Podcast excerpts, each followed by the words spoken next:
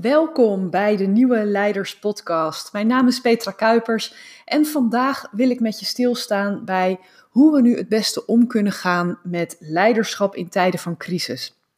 En ik weet niet hoe het bij jou is, maar ik zit hier uh, comfortabel in thuisquarantaine. Ik ben natuurlijk ondernemer, dus ik voel ook donders goed aan dat um, uh, nou ja, deze situatie waar we nu allemaal in zitten, dat die consequenties heeft. Hè? Ik voel ze direct al in mijn portemonnee. Uh, ik bedoel, er zijn workshops afgelast. Ik heb een aantal afzeggingen gehad.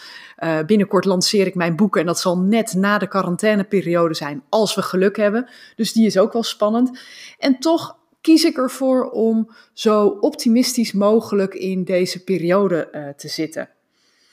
Ik uh, merk dat uh, er een aantal dingen gebeuren waar ik ook wel een soort van door uh, gefascineerd ben.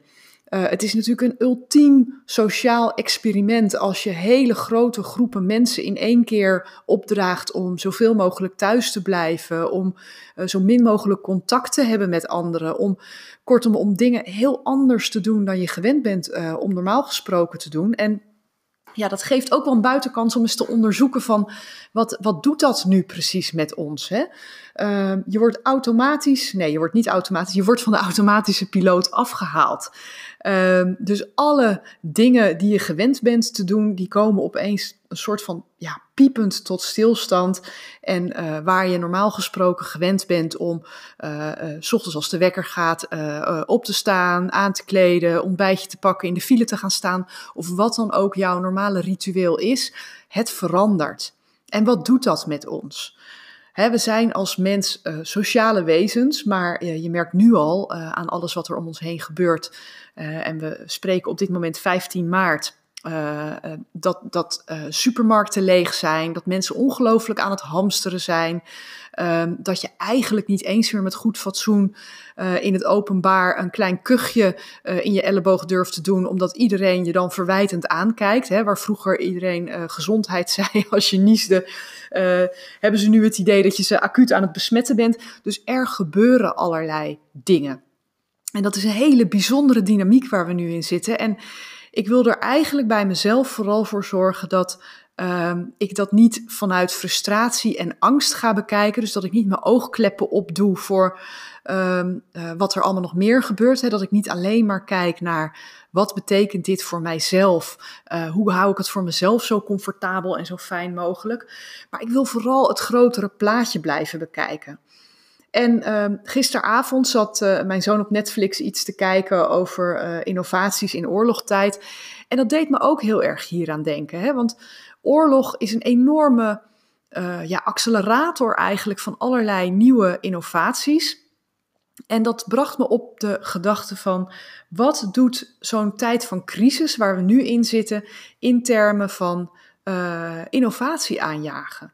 Want hoe je het ook wendt of keert, we kunnen niet zonder elkaar. Hè? Ook als we thuiswerken, hebben we elkaar nodig om informatie uit te wisselen, om samen te werken, noem het maar op. Alleen moeten we nu op zoek naar manieren waarop we dat kunnen doen, hè? dat we in verbinding kunnen blijven, zonder dat we daar, uh, nou ja, zeg maar, uh, uh, andere risico mee berokkenen. Nou, ik merk dus dat je uh, op het moment dat de crisis losbarst heel snel geneigd bent om mee te gaan op de sentimenten die er leven. En uh, ik volg het nieuws, maar wel heel globaal, omdat ik merk dat ik heel onrustig word van de minuut tot minuut berichtgeving die er is.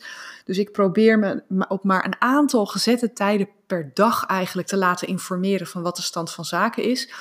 Um, en um, ik merk dat heel veel mensen zich heel erg laten beïnvloeden door de, de sentimenten, door de heftigheid uh, die, daar, uh, die er hangt en zich daar door mee laten sleuren. En ik moet je heel eerlijk zeggen, ik ben daar ook niet helemaal uh, immuun voor. Hè? Uh, ik zeg niet dat ik hier stapels rollen toiletpapier heb staan, zoals mensen op dit moment allemaal doen. Maar ik heb wel degelijk genoeg eten om twee dagen vooruit te kunnen. En uh, mijn zoon, die vakkenvuller is, uh, waarschuwde me ook al van: Goh, ehm, denk er ook weer niet te laconiek over, want het gaat wel heel hard met bepaalde producten. Nou ja, goed. Um, de andere uh, keuze die je hebt op dit moment, in plaats van je mee laten sleuren door uh, alle sentimenten, is heel goed nagaan denken over wat zijn nu de feiten. En ik merk dat de manier waarop er van overheidswegen mee om wordt gegaan, dat die dat eigenlijk heel bewust doen. Hè? Uh, landen om ons heen gaan op slot. En je kan denken van, goh, waarom zijn wij nog redelijk laconiek, omdat onze scholen en onze winkels nog open zijn. Maar ik heb het idee dat ehm, het leiderschap wat daarachter zit heel erg uitgaat van het bekijken van alle kanten van de medaille. Er wordt niet alleen gekeken naar wat kunnen we op korte termijn doen om het virus in te dammen, hè, om de crisis te bezweren. Maar er wordt ook al op de langere termijn gekeken van hoe uh, kunnen we dat doen op een manier die niet langdurig schade berokkent aan onze samenleving. En daar kan je van alles van vinden. Ik ben er ook niet helemaal uit, eerlijk gezegd, waar we het meest verstandig gaan doen. Had ik daar wel het antwoord op gehad, dan uh, had ik waarschijnlijk uh, nu heel veel geld kunnen verdienen met uh, voorspellen van de toekomst. Maar ik merk wel dat ik wel een beetje hink op de gedachte, als je op dit moment draconische maatregelen neemt, die eigenlijk erger zijn dan wat er strikt noodzakelijk is, dat je een soort rimpel opschuift naar de toekomst, waarbij ehm, uh, je op een langere termijn de financiële en economische gevolgen daarvan gaat plukken. En met uh, het bewustzijn dat we op dit moment niks anders kunnen doen eigenlijk dan uitzieken, dat we het eigenlijk niet meer helemaal in controle of onder controle hebben, maar dat we het beste kunnen kijken hoe we uh, de piek zoveel mogelijk kunnen aftoppen, zodat onze zorgverleners het aanblijven kunnen, zodat de mensen op straat het aanblijven kunnen, zodat we geen misstanden krijgen. Dat kon nog wel eens een hele verstandige lange termijn strategie zijn. Nou wat brengt me dat in, in termen van, van leiderschap? Um, uh, ik, ik, merk dat je ook um, op het werk, in organisaties uh, en zeker in projecten waar ik veel mee te maken heb, uh, altijd wel periodes hebt waarin er iets onduidelijk is. En dan kun je twee paden bewandelen. Hè. Er zijn altijd mensen die op dat moment een soort van in paniek raken. En die daarbij ook heel veel ja, geluid maken, die heel veel, uh, nou ja, heel erg aanwezig zijn. En dat brengt al heel snel een sentiment teweeg dat mensen daarin meegaan. Dat ze steeds meer mensen in dat sentiment worden meegesleurd en je het eigenlijk heel lastig kan keren. Op het moment dat jij jezelf daar ook in mee laat gaan, dan word je wat ik altijd noem het flipperballetje en sta je niet meer als flipperaar boven de kast te kijken wat je nog kan beïnvloeden. En ben je dus eigenlijk uh, minder nuttig voor het grotere geheel. Dus wat mij dit leert over leiderschap is een aantal dingen. Uh, probeer je eigen emoties uh, even uh, op, een, op, een, op een lager uh, pitje te zetten, zeg maar, hoe lastig het ook is. En geloof me, ik herken het. Ik heb mensen in mijn omgeving die tot een kwetsbare doelgroep horen.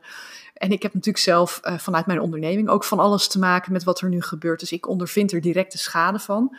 En toch, als je het even op een lager pitje laat staan, dan heb je wat meer ruimte. Dan creëer je bijna wat meer ruimte voor jezelf om bewust na te denken van wat zijn de feiten? Wat kunnen we op dit moment doen om de schade zoveel mogelijk uh, beperkt te houden? En wat dient het grotere geheel uiteindelijk op de langere termijn? Hè? Hoe kunnen we voorkomen dat we nu paniekvoetbal spelen en daarmee op de langere termijn juist extra schade berokkenen?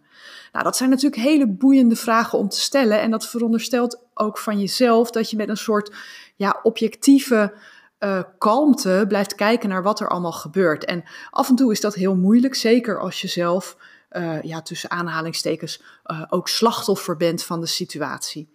Nou, voor mij zijn dit de lessen die ik uit deze nou ja, tijden van coronacrisis meeneem. En ik hoop dat we heel veel bewustzijn opdoen door de manier waarop we nu anders moeten werken dan we, dan we gewend zijn zodat we daar ook een soort van um, ja, de, de, vruchten van gaan plukken. Hè. De geest is uit de fles als het ware. We hebben nu deze situatie en daar hebben we mee te kampen. Maar wat is nu de waarde die daar voor ons in zit en wat kunnen we daaruit meenemen, wat ze ons ook op lange termijn en op de middellange termijn gewoon niet meer afnemen. Nou, ben benieuwd hoe jij daarover denkt. Laat het me weten en ik hoor je graag bij de volgende podcast.